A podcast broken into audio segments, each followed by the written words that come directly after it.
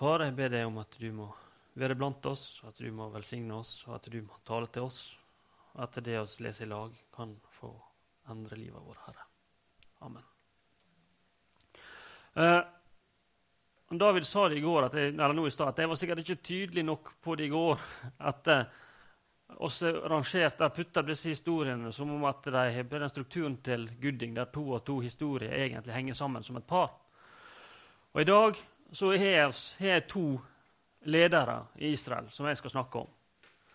Og Det ene det er Barak, som kommer som den siste før Gideon. Og den andre det er Abimelek, som kommer som den første etter Gideon. Dette fordi det er ganske mange likheter i fortellinga. De er ikke like, men måten de blir framstilt på, er at det er så mange, det er så mange ting som peker på at disse her nå må henge sammen. Her er så mye felles. Uh, men jeg skal heldigvis, uh, hvis jeg er like heldig som David, så blir, bruker jeg opp all tida på, på, det som er kjekt å snakke om, og så slipper jeg å snakke om Abimelek. Men jeg skal begynne uh, med Barak. Og Det er en historie som ikke handler om Barak. Den handler om tre personer. Den handler om Debora, Barak og Jael. og jeg begynner å lese fra Bibelen. Dette er da etter han Ehud er død. Igjen gjorde israelittene det som var ondt i Herrens øyne, nå som Ehud var død. Herren ga dem i hendene på kanoneerkongen Jabin, som regjerte i Hasor. Hærføreren hans var Sisera, som holdt til i Haroshet Hegoyim. Israelittene ropte til Herren, for Jabin hadde 900 jernvogner, og han undertrykte israelittene med makt i 20 år. Og så Selv om dette verset var lest fryktelig fryktelig mange ganger, så vil jeg lese fra Hebreabrevet 11 igjen. For der står det Tiden strekker ikke til om jeg skal fortelle om Gideon, Barak, Samson og Jefta. Så Barak han er også en av disse trusheltene som er nevnt i Hebreabrevet. Men det som er spesielt med denne historien om Barak og Debora og Jael, det er at den er fortalt to ganger ikke bare én gang, men den er fortalt først i kapittel 4. Og så er den fortalt om igjen i kapittel 5. Den første gangen som en ren historiefortelling, og den andre gangen som en poetisk framstilling av situasjonen. Om den situasjonen som Israel var i, og hvordan Herren fridde dem ut. Når han er død, så skjer det igjen at Israel gjør det som var vondt i Herren sine øyne. Det er et mønster som gjentar seg. Når den store lederen dør, så detter folket tilbake. og Så faller de tilbake, ikke bare til gamle synder, men de ender opp med å fare åt enda verre enn de har gjort før. Og folket de får en undertrykker. Denne undertrykkeren det er um, Jabin. Men det er Sisera som sitter på hæren. Det er han som sitter og holder makt over dem. Det er en flokk med jernvogner som kanskje egentlig ikke skulle være der engang. Her er en fiende som står der, som de kanskje skulle ha slåss med før. De skulle ha slåss mot jernvogner tidligere. Men nå blir de holdt i et jerngrep av disse vognene. De har Jabin på ene sida, og så er de Sisera på andre sida, og så ligger de i skvis. Og så holder de til i sterkt befesta byer og så har han Cicera med sine 900 jernvogner. Og Jeg er ikke historiker, jeg kan ikke veldig mye historie, men jeg har forstått at disse jernvognene det var det heftigste våpenet du kunne ha på denne tida. Og Cicera har ikke bare én og to, han har 900 av dem. Og dette her nå er ikke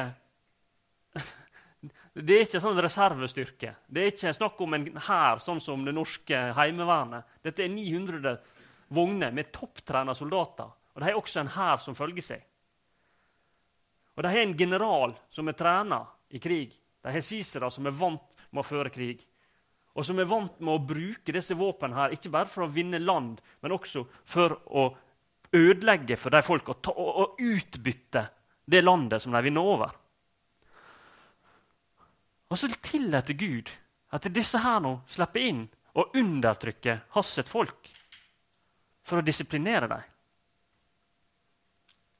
Men så ender det opp med at Jabin han tar ikke bare litt av fruktene fra landet. Det ender med at Jabin tar fra dem all glede ved å bo her. Det er ikke noe glede igjen for folket. Ja, Trykk dem så langt ned som du kan få dem. Og da først roper de på Gud.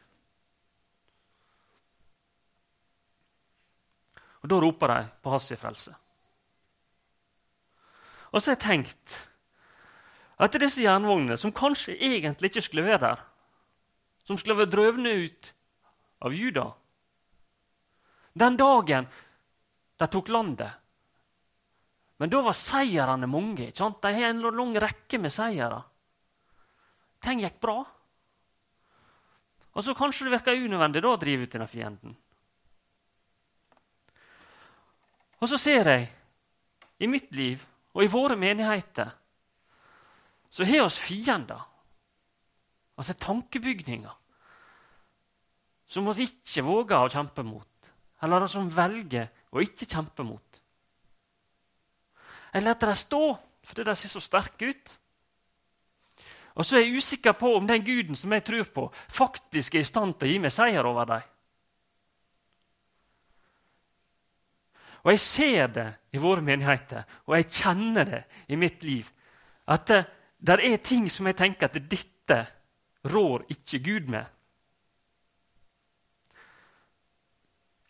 Og jeg har opplevd og Det er ikke noe han kan være stolt av, men jeg opplever mer enn én en gang at jeg kjenner noe som jeg trenger.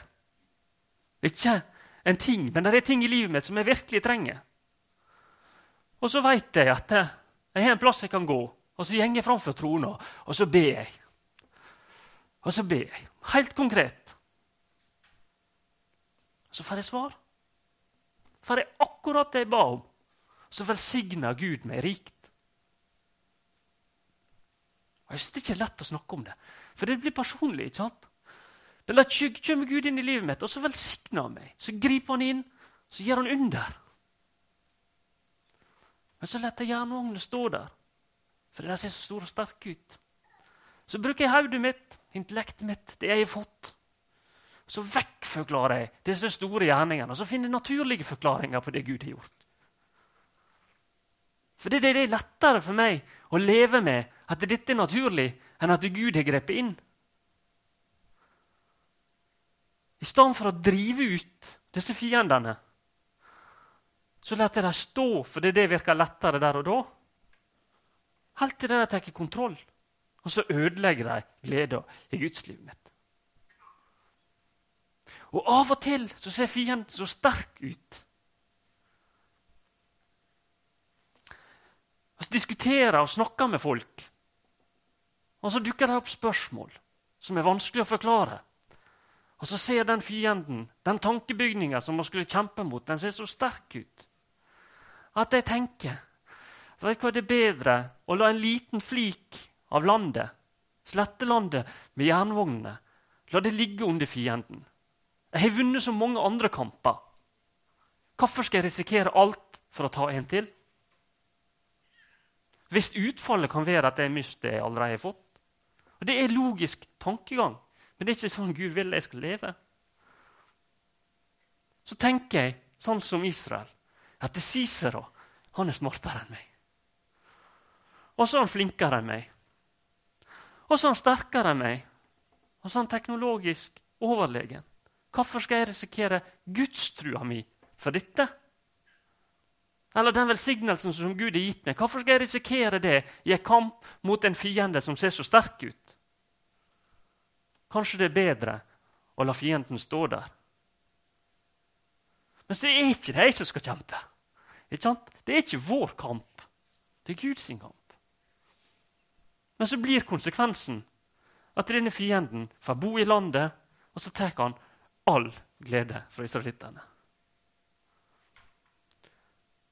Og så ser de ingen mulighet til å nyte den arven de har fått. Og så går det nedover i 20 år, og så når de en absolutt og heldigvis så roper de til Herren. Og da har ikke Herren glemt det. Han svarer. Men i denne perioden, når jernvognene og Jabin herjer Israel, så er det ei dame. Det er ei profetinne, Debora, som dømmer Israel. Og Debora er et eh, fantastisk dame. Hun talte og underviste Guds ord. Og når det var juridiske og sosiale uenigheter mellom Guds folk, så kommer de til henne og så gir hun råd, og så dømmer hun imellom dem. Og hun er annerledes enn de andre lederne vi ser i Dommernes bok. På mange måter. For det første, hun er ei kvinne. Men det er ikke den største forskjellen. For styrehinna er annerledes. Hun leder folket med visdom og med Guds ord. Ikke med makt. Han Otniel han gikk til krig. Han Eud han brukte kniven. Men så Debora hun tar seg tid til å snakke med og til å rettlede folket sitt. Og så hjelper hun dem slik. Hun er i mine øyne på mange måter mer en leder enn en hærfører. Og så leder hun folket utenfor krigen. Vi trenger sånne folk også i våre menigheter. Som kan lede folk utenfor krigen. Og Hele denne fortellinga om Debora, Barak og Jael det er en fantastisk historie. Og så er det to sterke kvinner. Og så har vi en mann. Og i lag så vinner de over fienden. Men den eneste som står igjen med ære, det er Gud. For det ser ut for meg som at det er Debora som leder folket. Men det er ikke hun som utfrir dem fra fienden. Men han som seirer på slagmarka, ser heller ikke ut som det er han som leder folket. Og det er ingen av de to som tar livet av Sisera, lederen. I motsetning til alle de andre dommerne så har vi ikke én helt her, men vi er tre. Og til sjuende og sist så fører det til at det er Gud som vinner seier.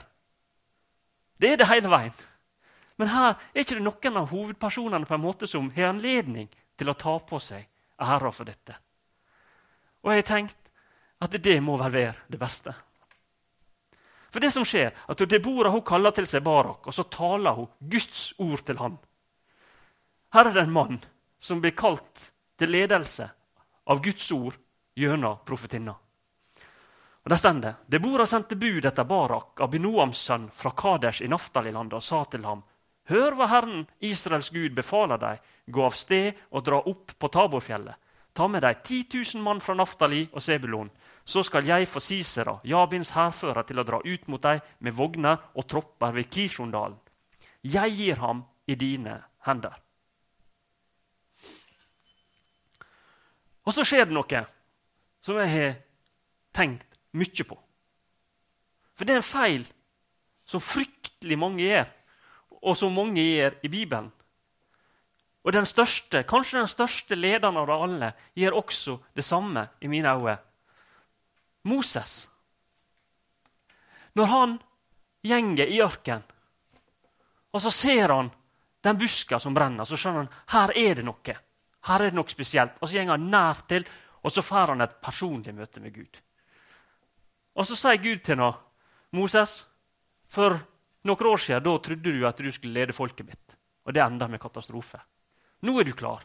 Nå skal jeg sende deg. Nå skal du utfri mitt folk fra fangenskap. Du er frelseren som skal føre slavene til frihet. Og Moses skjønner hvem han snakker til.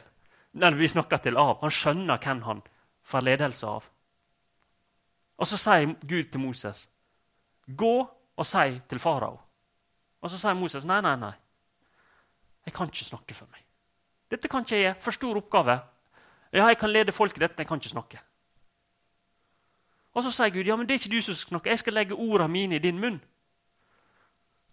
Og så nekter Moses. Og så sier Gud, ok, jeg skal sende deg bror din la med deg. Du skal slippe å gå alene.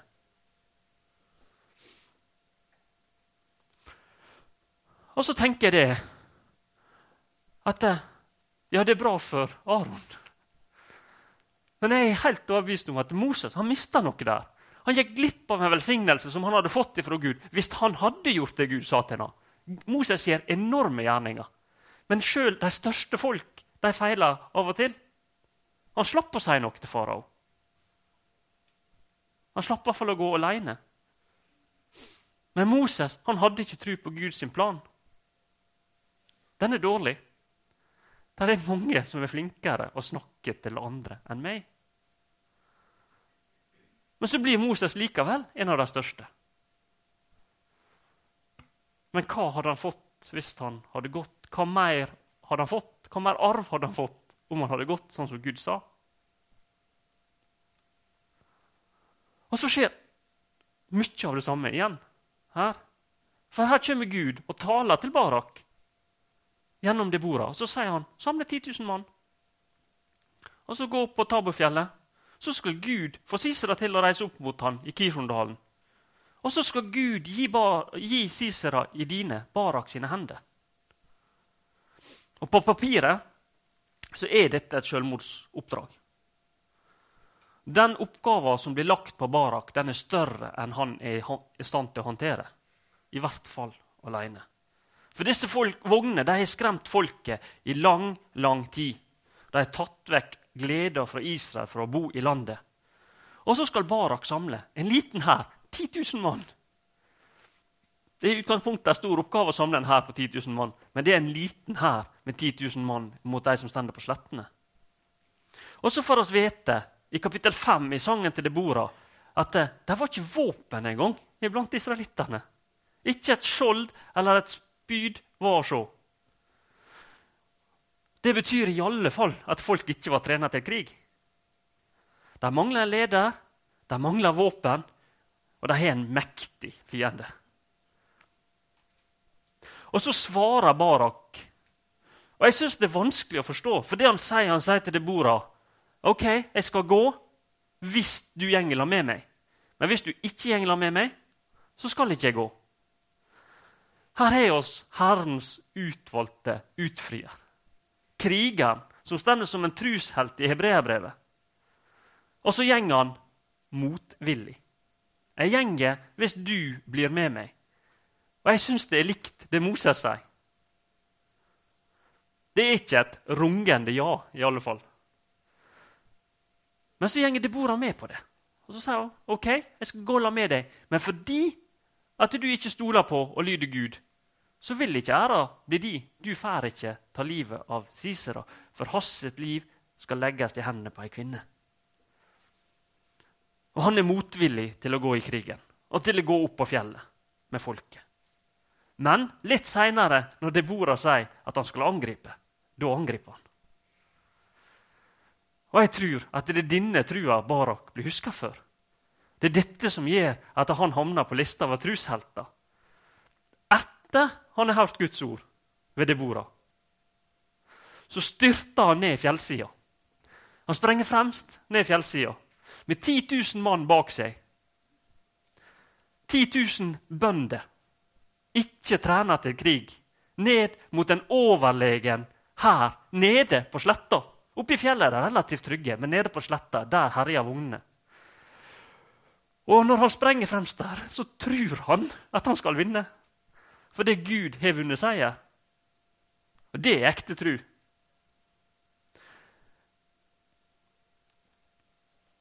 Og så har jeg tenkt det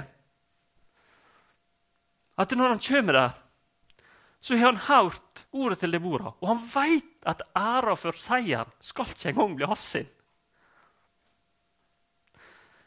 Stormende framfor en flokk, 10 000 vettskremte bønder Uten våpen og uten våpentrening.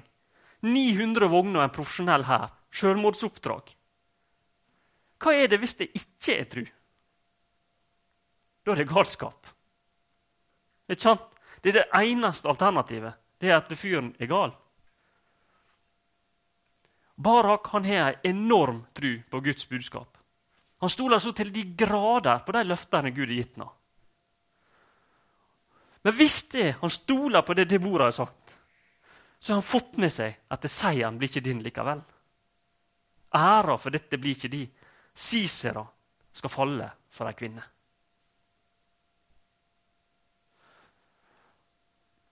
Og det er ledelse. Han veit at seieren blir til en annen.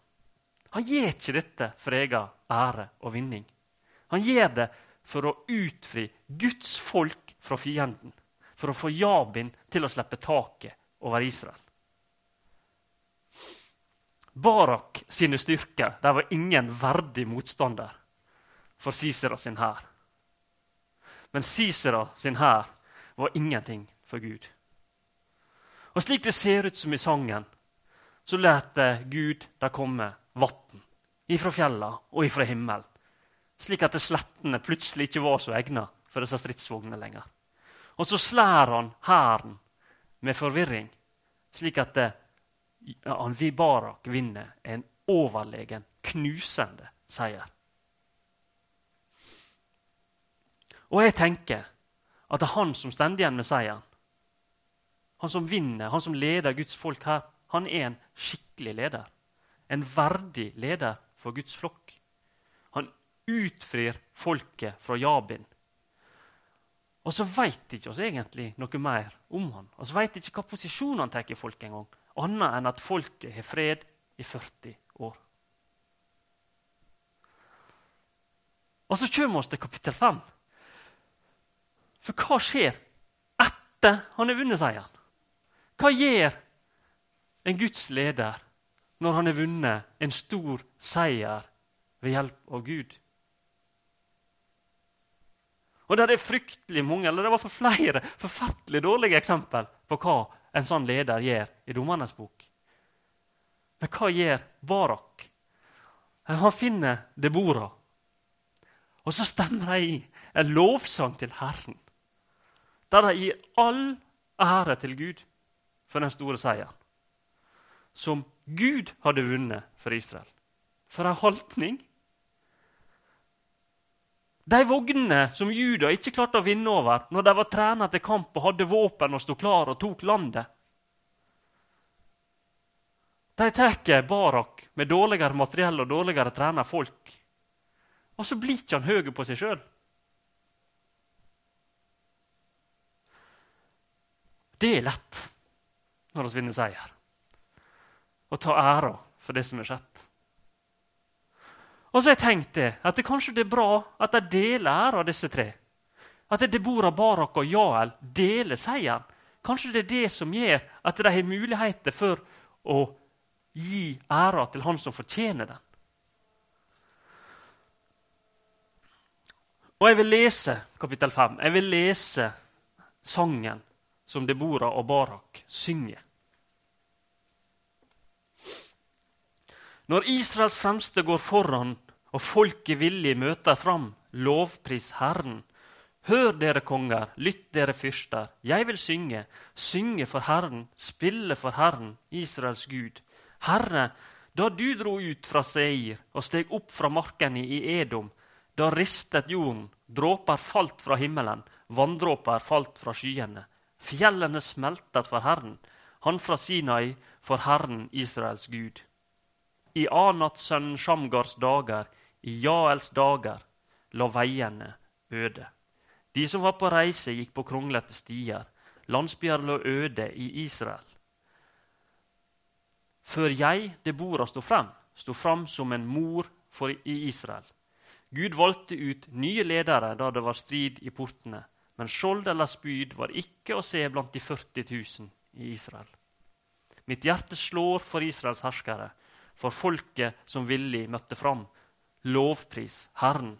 Dere som rir på blakke eselhopper, dere som sitter på tepper, og dere som vandrer langs veien, syng. De overdøver lyden av dem som henter vann, når de forteller ved vanningsstedene om Herrens rettferdige gjerninger. Hans rettferdige gjerninger mot landsbyfolket i Israel da dro Herrens folk ned til portene. Våkne opp, våkne opp, Debora. Våkne opp, våkne opp, vær frem en sang. Reis deg, Barak, fang dine fiender, Abinoams sønn.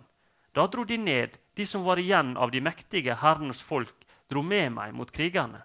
Fra Efraim kom de som hadde røtter i Amalek, etter dem. Benjamin kommer med sine folk. Fra Makir dro herskerne ned. Fra Sebulen menn med hærførerstab. Gissekars høvdinger sammen med Debora. Gissekar kom, Barak var med, i dalen fulgte de i hælene på ham. Blant Rubens avdelinger rådslo de lenge. Hvorfor satt du mellom kløvkurvene og lytta til fløytetonen fra gjeterne? Blant Rubens avdelinger rådslo de lenge. Gideon, Gil, Gilead holdt seg i ro på den andre siden av Jordan. Hvorfor bøyde Dan ved skipene? Asher, som bodde ved havets strender, holdt seg i ro i vikene der. Sebulons folk viste dødsforakt, også Naftali og de åpne høydene. Konger kom og kjempet, da kjempet de. Kanans konger i Tanak ved Miggons vann. Men de tok ikke sølv som bytte. Fra himmelen kjempet stjernene fra sine baner, kjempet de mot Sisera. Kishon-elven rev dem bort, den eldgamle elven, Kishon-elven. Gå frem, min sjel, med styrke. Da dundret det av hestehover og hingster i galopp. Forbann Meros, sa Herrens engel. Forbann, forbann den som bor der. For de kom ikke Herren til hjelp. De kom ikke Herren til hjelp mot krigerne. Velsignet blant kvinner er Jael, kenitten Hebers kone. Velsignet blant kvinner som bor i telt. Han ba om vann, hun ga ham melk. Hun kom med rømme i en praktfull skål. Hun strakte ut hånden etter teltpluggen, sin høyre hånd mot håndverkerens hammer. Hun slo Sisera så skallen ble kløvd, drev pluggen gjennom og knuste tinningen. Mellom føttene hennes sank han i kne, han stupte og ble liggende. Mellom føttene hennes sank han i kne, han stupte. Der sank han i kne, stupte og var knust. Gjennom vinduet kikket hun ned, Siseras mor, ropte gjennom gitteret. Hvorfor kommer ikke vognene hans? Hvorfor drøyer hovslagene fra stridsvognene? De klokeste hoffdamene svarte henne, og selv ga hun svar med sine egne ord. De deler nok byttet de har tatt. En jente eller to til hver mann, bytte av fargerikt tøy til Sisera, bytte av fargerikt tøy.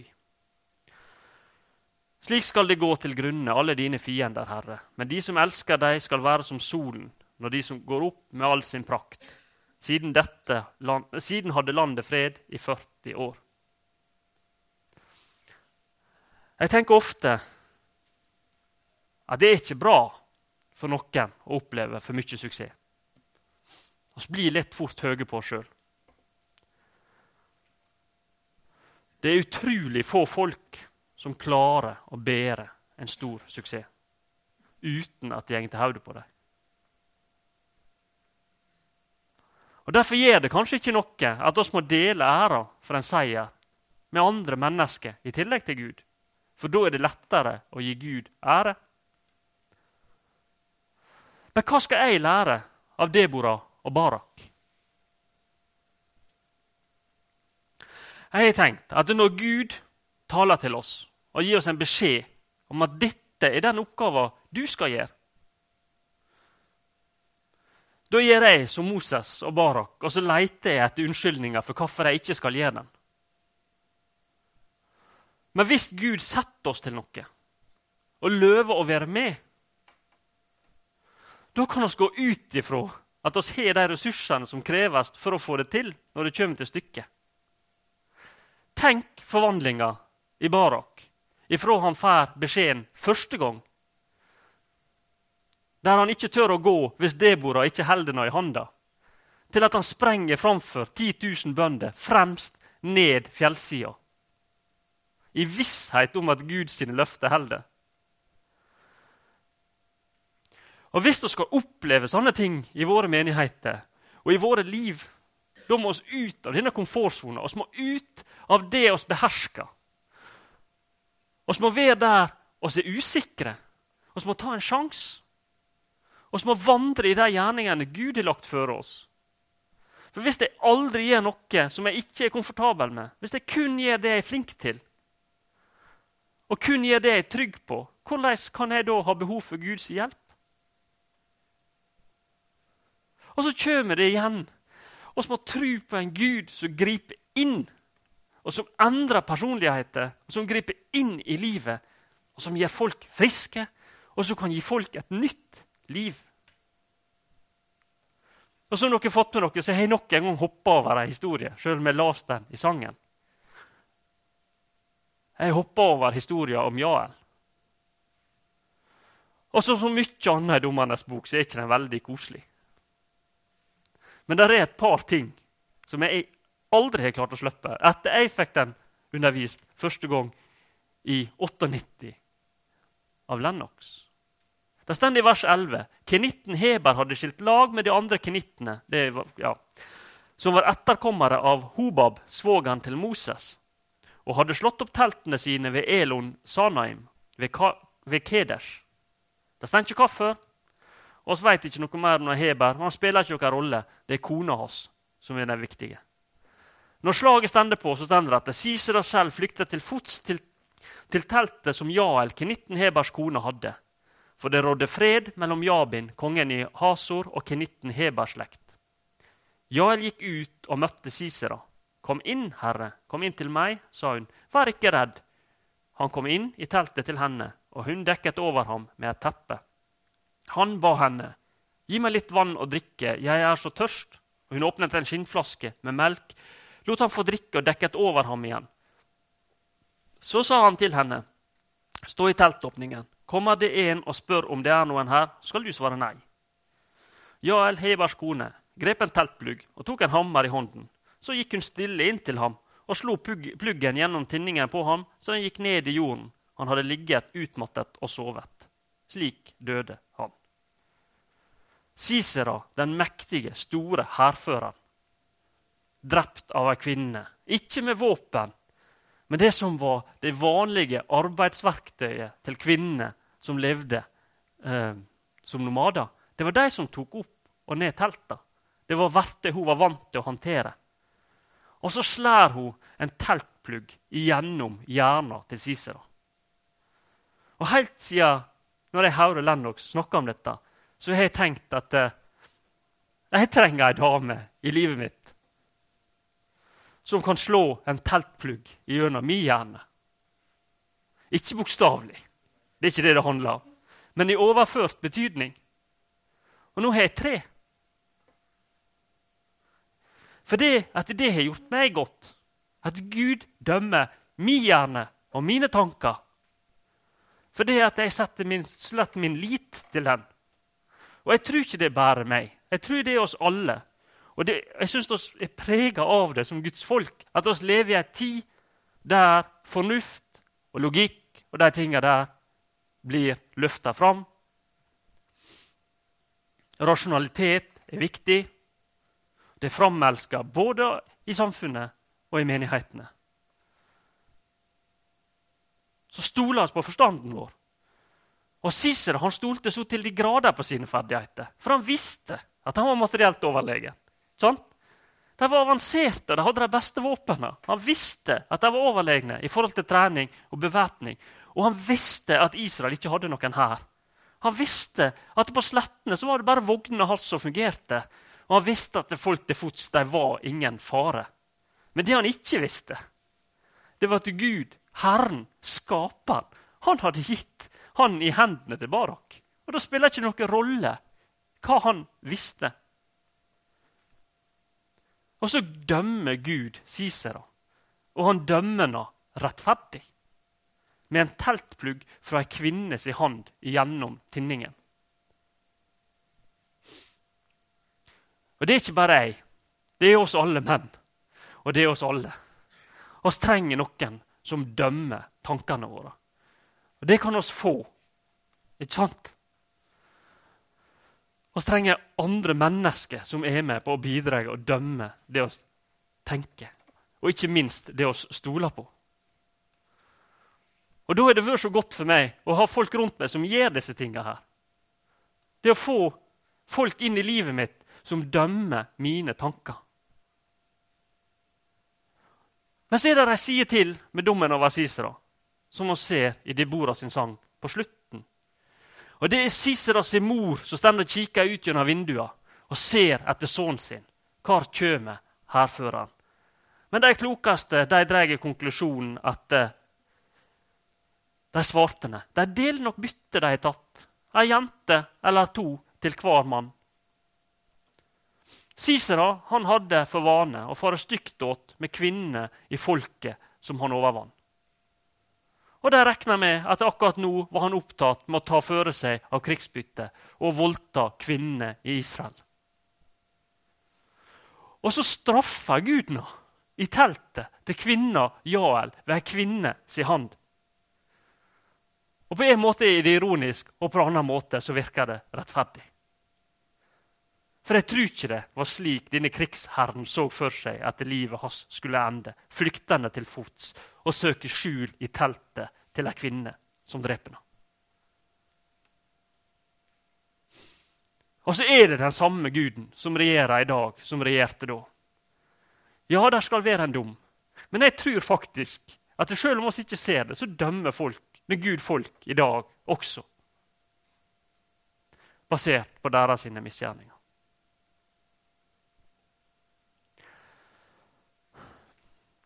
Men så må jeg si litt mer om Barak. For det, er det jeg tror dette handler best om. Det handler om ledelse. Og i mitt syn så er Barak på mange måter den perfekte lederen for Guds folk. Han er kalt av Gud. Og så vinner han seier. Så kaster han ut fienden. Og så ordner han opp og sier han fred til Guds folk, og så blir ikke han høy på seg sjøl. Og så er det ofte godt å se på kontraster. Og så er det en annen leder for Guds folk som dukker opp parallelt. Ikke samtidig, men som den parallelle historien i Abimelek, som er sønn til Gideon, som viser hvordan en leder ikke skal være. Og Jeg vil si litt om han. Gideon, som David skal tale om seinere. Etter at han har vunnet sin store seier, så kommer folket til ham. Israelittene sa til Gideon du skal herske over oss, både du og din sønn og sønnesønn, for du har berga oss ut av hendene på midjanittene. Men Gideon svarte, 'Jeg skal ikke herske over dere.' 'Sønnen min skal heller ikke herske over dere.' 'Herren skal herske over dere.' De vil gjøre han til konge. Og så nekter Gideon. Og så ser det så utrolig bra ut. ikke sant? Herren skal være kongen deres. Jeg skal ikke være kongen deres. Men så er det fryktelig mye historier som tyder på at det er ikke så bra som det ser ut ved første øyekast. For det Gideon gjør, han reiser tilbake til byen sin. Så tar han seg mange koner og minst ei medhustru. På den tida var det kongene som gjorde slikt. Og så får han seg 70 sønner med konene sine. Også med medhustrua som han har i Sikhem, så får han en sønn. Og hva kaller han sønnen? Han kaller han Abi Melek. Og Han er ikke konge. Gideon sier jeg er ikke konge, Herren er kongen deres. Men sønnen sin han kaller han Abimelek. Og Abimelek det betyr 'min far er konge'. Det er et stort gap mellom den sannhet at det er Gud som er herre og konge, både i Israel og over Gideon, og den bekjennelse som Gideon kommer med, og at han sier de rette tinga til det livet som han viser. Altså Det han viser i livet sitt, det holder ikke mål. I motsetning til Barak så blir Gideon høy på seg sjøl. Han henter ikke styrker til å bære suksessen sin hos Gud, men han dyrker sin egen suksess. Og Når nå Gideon er død, så reiser denne mannen Abimelek til Sikhem. For der kom mora hans ifra. Og så snakker han med alle de som har makt i byen, og så ba han om hjelp til å ta makta i Israel. Morens brødre gikk da ut og sa alt dette til alle menn i Sikhem og hjertet deres ble vunnet for Abimelek, for de sa, han er jo en av våre. Så ga de ham 70 sjøkel sølv fra tempelet til Baal Berit. For dem leide Abimelek noen simple menn som gikk og drev, og de fulgte ham. Så dro han til farens hus i Ofra. Der drepte han brødrene sine. Jerubals sønner, 70 mann på én stein. Bare Jotam, Jerubals yngste sønn, var igjen, for han hadde gjemt seg. Alle menn med makt i Sikhem og alle som var i Bet-Millo, samlet seg. Det gikk og gjorde Abimelek til konge ved steinstøtte eika i Sikhem. Det starta ikke med at det er Gud som taler. Det starta med at det er Abimelek som taler. Han henter ikke støtte hos Gud. Han henter støtte hos avguden Bal Berit. Sikhem det er litt av en plass. Det er der Abraham bygde alteret etter Gud i lovende landet. Og det er der folket under Josfa gjør en pakt med Herren og løver at de skal tjene Ham. Og så i Sikhem stender det fram en mann som ikke er kalt av Gud. Ikke folk ropte etter en utfrier heller. Det ser faktisk ut som folket hadde det egentlig bra. De hadde ingen fiende som de trengte utfrielse fra en gang. Selv om de ikke var trufaste mot Herren, så stender de etter de hadde fred når Gideon levde. Men avgudsdyrkelsen var tilbake blant folket, for det hadde Gideon sjøl sørga for. Så har vi en leder, Abimelek, som søker makt. Og så griper han den, og så bruker han den. Og det første han gjør, det er å drepe brødrene sine. Slik at de ikke skal utfordre posisjonen hans. Og så ender han opp med å styre folket som en konge. Og ikke bare late som at han ikke er det, men han utroper seg sjøl til konge. Abimelek var ingen god sønn av Gideon. Og så tenker jeg, hva taler dette om? Det taler om ledere av Guds folk. Så må oss ikke velge oss ledere basert på hvem faren er. Eller fordi at de er flinke til å snakke for seg. Men vi må følge de lederne som Gud røyser opp, på de betingelsene som Gud setter. Menn som holder seg til sannhet, som søker Gud, som leder familien sin, er tålmodige og har sjølkontroll. For det er mange som søker makt. Og det er mange som søker makt over Guds folk. Og de må vi passe oss for. For det fins Abimeleka i dag som er mer opptatt av sin posisjon iblant Guds folk enn av folket de skal tjene. For det er det en leder skal. Han skal tjene folket. Og disse lederne, når de møter motstand, når de blir utfordra, da blir det fort stygt. Da går de løs på brødrene. Da tar de de som utfordrer posisjonen deres. Og Abimelek han går mot sitt eget folk, og han legger Sikhem helt øde. Og han dreper menn, kvinner og barn. Og så kommer vi til slutten av livet hans. Han prøver å ta en by til, Tebes, og jager alle folka inn i et høyt tårn. Og så prøver han å sette fyr på tårnet. Og da er det ei kvinne som står på toppen, med toppen av en kvernstein. Arbeidsverktøyet til ei kvinne. Og så slipper hun den målretta i hodet på Abimelek og knuse skallen hans. På samme måte som Sisera så blir her seieren over fienden gitt til ei kvinne. Ei kvinne som knuser hodet til en mann som fortjener det. Hva er det i disse historiene om lederskap som oss kan bruke i vårt liv og i våre menigheter? Og Jeg tror den viser oss to sider. Den viser oss en god leder som fører folk til frihet, og som ender i lovsang. Og så viser den en alternativ leder som ikke gjør noe annet enn å rasere og ødelegge Guds folk. Og jeg tenker at vi må bli bevisste på hva folk oss velger å se opp til, og hva ledere oss velger å følge. Hva karaktertrekk er det de har som gjør at vi skal følge dem? Og De karaktertrekkene finner oss bl.a. i 1. Timotius 3. Om noen dere, om noen gjerne vil ha en tilsynstjeneste, er det en verdifull oppgave han ønsker seg. En tilsynsmann må ikke kunne anklages for noe. Han må være en kvinnes mann. Nøktern, forstandig, høflig, gjestfri, dyktig til å undervise, ikke drikkfeldig eller voldelig, men mild, uten stridsløst og pengebegjær. Han må lede sitt eget hus på en god og hederlig måte og ha lydige barn. Dersom han ikke klarer å lede sitt eget hus, hvordan kan han da ha omsorg for Guds menighet? Han må ikke være nyomvendt, for da kan han bli hovmodig og komme under samme dom som djevelen. Han må også ha, eh, ha godt ord på seg blant dem som står utenfor, så han ikke blir til spott og går i djevelens snare. Og så står det omtrent det samme i første Titus. En eldste må det ikke være noe å utsette på. Han skal være én kvinnes mann. Barna hans må være troende, ikke trassige og ikke kunne beskyldes for å leve vilt og utsvevende. For en tilsynsmann er Guds forvalter, og det må ikke være noe å utsette på ham. Han må ikke være egenrådig, bråsint, drikkfeldig, voldelig eller ute etter skamlig vinning.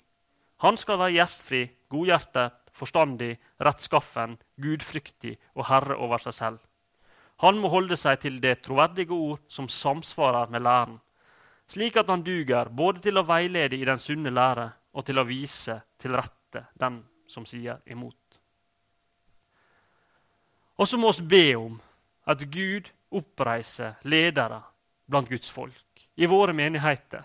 At de må stå fram noen barakker også i vår generasjon og i neste generasjon, som kan hjelpe oss til å vinne seier. Vår Far, takk for at oss får kalle deg, oss dine barn. Takk at du sendte din sønn. Takk at skaperen ble en del av det som ble skapt.